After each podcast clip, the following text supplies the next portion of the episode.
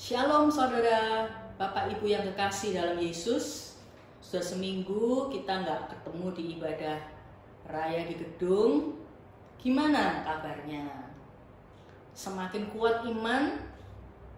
Banyak di rumah, banyak berdoa? Atau semakin lemah imannya?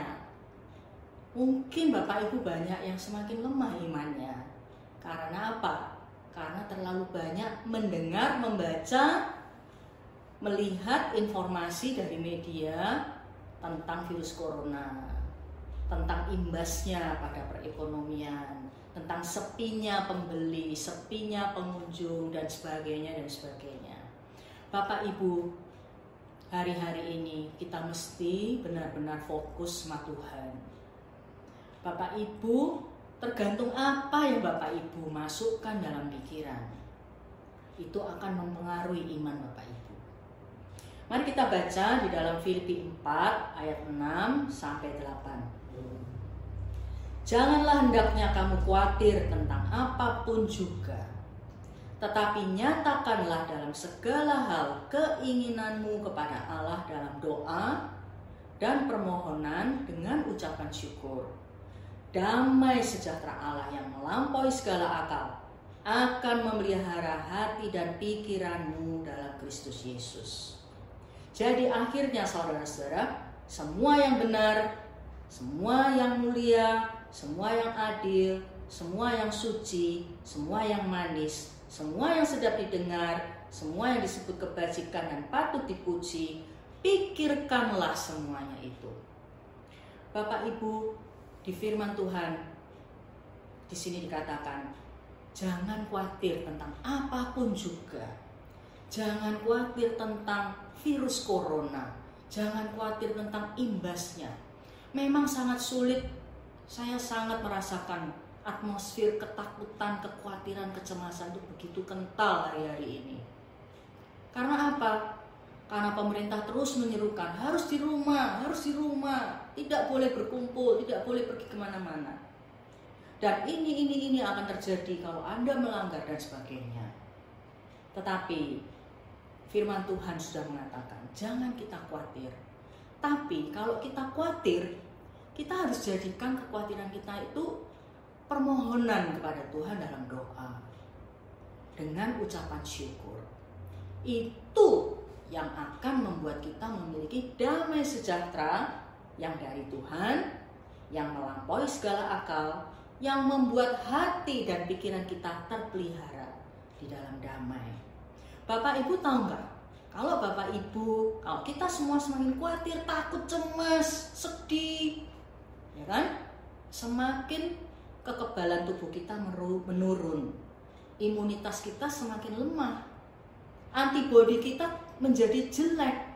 Padahal di dalam suasana yang seperti ini, justru untuk melawan virus corona itu kita mesti bermodalkan imunitas tubuh yang kuat stamina yang baik, ya, dan juga antibodi yang kuat.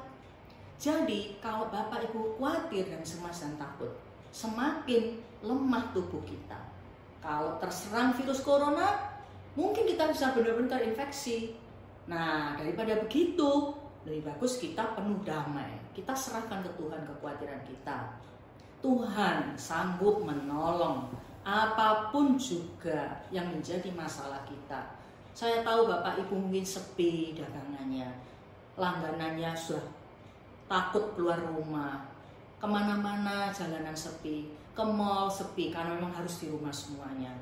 Orang-orang yang bekerja harian itu sungguh-sungguh penuh dengan kekhawatiran karena pemasukan mereka merosot tajam. Bapak Ibu, tapi Tuhan sanggup memelihara kita. Amin. Dan kalau kita menyerahkan kekhawatiran kepada Tuhan dalam doa, maka damai sejahtera memenuhi hati kita. Kalau hati kita tenang dan penuh dengan damai, maka kita kuat.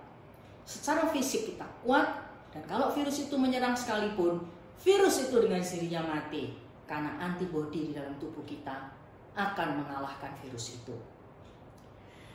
Bapak Ibu Saudara, beberapa hari yang lalu ketika saya berdoa, Roh Kudus mengatakan seperti ini Jangan kamu terjerembab di dalam masalah ini sampai kamu jadi egois, sampai kamu jadi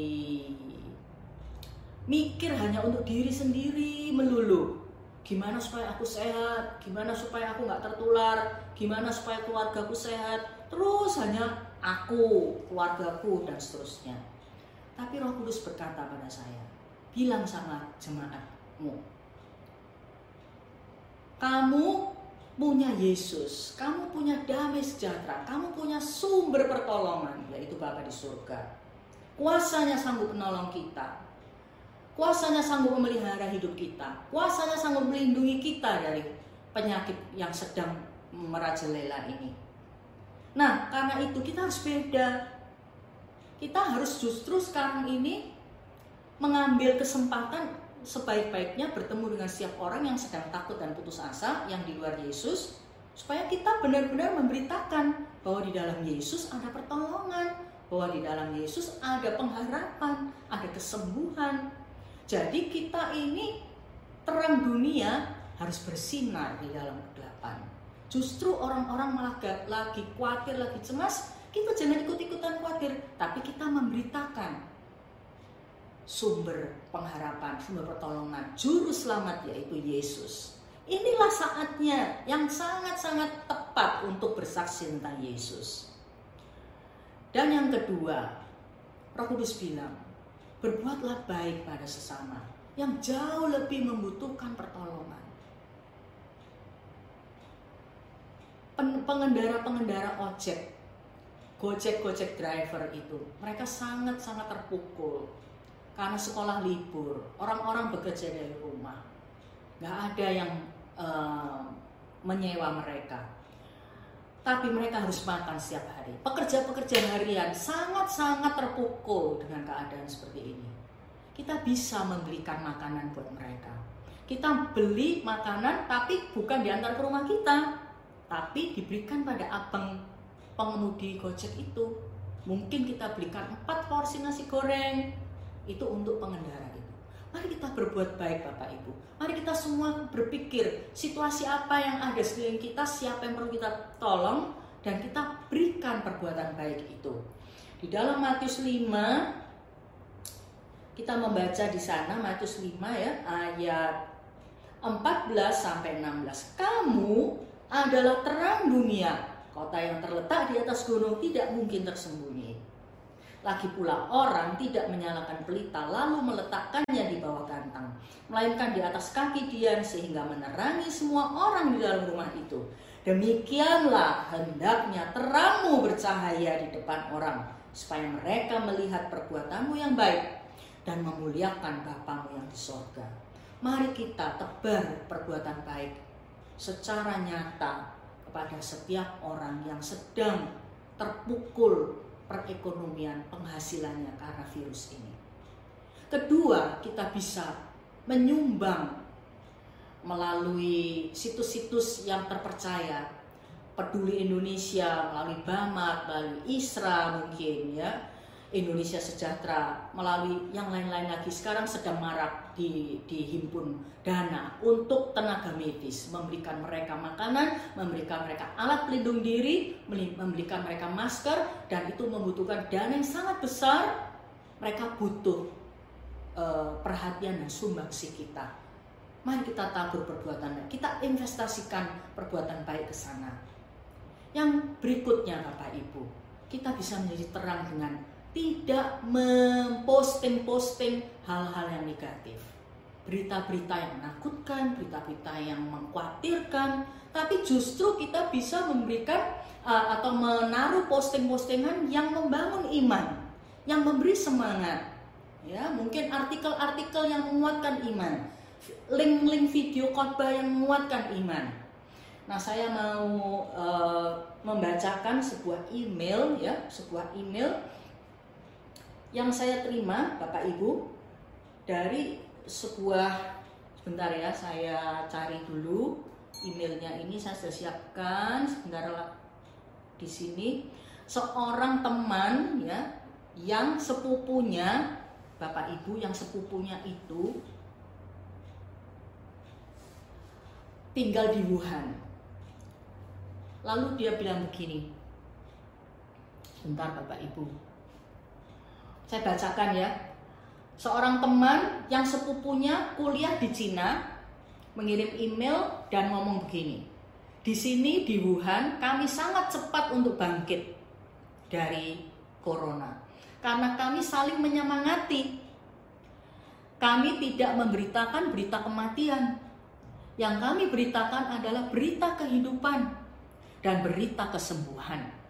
Namun kenapa netizen di Indo lebih memilih memberitakan berita ketakutan? Apakah mereka memang ingin membunuh saudaranya sendiri? Bisakah mulai saat ini kita hanya memberitakan berita yang penuh harapan? Berita yang menenangkan, berita kehidupan. Berita bahwa banyak sekali puluhan ribu orang di dunia ini sudah sembuh dari corona. Berita bahwa vaksin telah ditemukan dan siap produksi massal.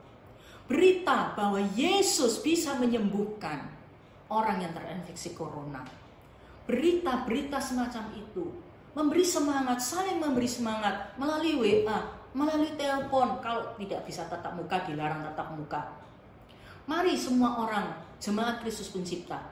Pemuritan one on one dijalankan mungkin tidak bisa tatap muka, dilarang kan? Tapi bisa melalui telepon. Ya. Melalui WA. Melalui SMS. Nah, mari kita semuanya menjadi terang Inilah saatnya dunia ini membutuhkan berita sukacita, berita keselamatan, berita pengharapan, berita kehidupan. Bisakah kita membantu tim medis yang sudah sedemikian lelah untuk berhenti membuat postingan-postingan yang berkonten menakut-nakuti, membuat orang khawatir dan panik? Bisakah? Tahukah bahwa kekhawatiran kepanikan yang berlebihan akan menurunkan imunitas tubuh lebih cepat. Jangan buat mereka khawatir, sehingga terus-menerus berbondong-bondong ke rumah sakit dan makin membuat lelah para tim medis kita. Bisakah? Mari kita jawab pertanyaan ini. Bisa. Aku mau berbuat baik. Aku mau memberikan semangat kepada teman-temanku aku mau berdoa. Yang terakhir Bapak Ibu, kita sering kali mendengar, ayo kita berdoa. Tapi apakah sungguh-sungguh kita berdoa di rumah? Dengan tidak beribadah di gedung gereja, kita bisa beribadah di rumah bersama keluarga. Doa sungguh-sungguh. Bapak Ibu kalau pergi, ada suatu keperluan pergi di mobil, di kendaraan, doa untuk daerah itu. Berkati Surabaya, Minta Tuhan melindungi Surabaya. Minta Tuhan melindungi Indonesia. Minta Tuhan menyertai pemerintah dalam upayanya untuk melawan corona. Minta Tuhan memberi hikmat pada mereka, kekuatan pada presiden juga. Banyak hal yang kita bisa doakan Bapak Ibu. Mari kita sungguh-sungguh berdoa. Bukan hanya ngomong saja. Mari kita sungguh-sungguh beriman. Isi pikiran kita dengan firman. Isi dengan artikel-artikel yang membangun iman, buku rohani dengan ayat-ayat firman. Jangan hanya berfokus pada berita-berita di media. Bila perlu Bapak Ibu tidak terlalu memperhatikan berita di media, ya sekadar perlu saja untuk update, tahu perkembangan. Tetapi lebih dari pada itu, nggak usah dibaca, nggak usah dilihat, tetapi baca firman Tuhan, dengarkan khotbah, perkatakan firman supaya iman kita semuanya bertumbuh dan kita mendekatkan diri sama Bapa. Di situ kita merasa yakin akan perlindungannya. Bukan secara pengetahuan kita tahu Tuhan menyertai kita, tapi secara perasaan di dalam hati, dalam roh kita yakin Bapa menyertai kita, Bapa melindungi kita. Damai sejahtera Allah yang melampaui segala akal memenuhi hati dan pikiran saudara dalam nama Yesus. Mari kita berdoa.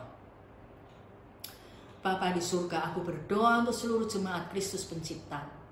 Di dalam keadaan yang sangat sulit ini, Engkau melindungi mereka satu persatu.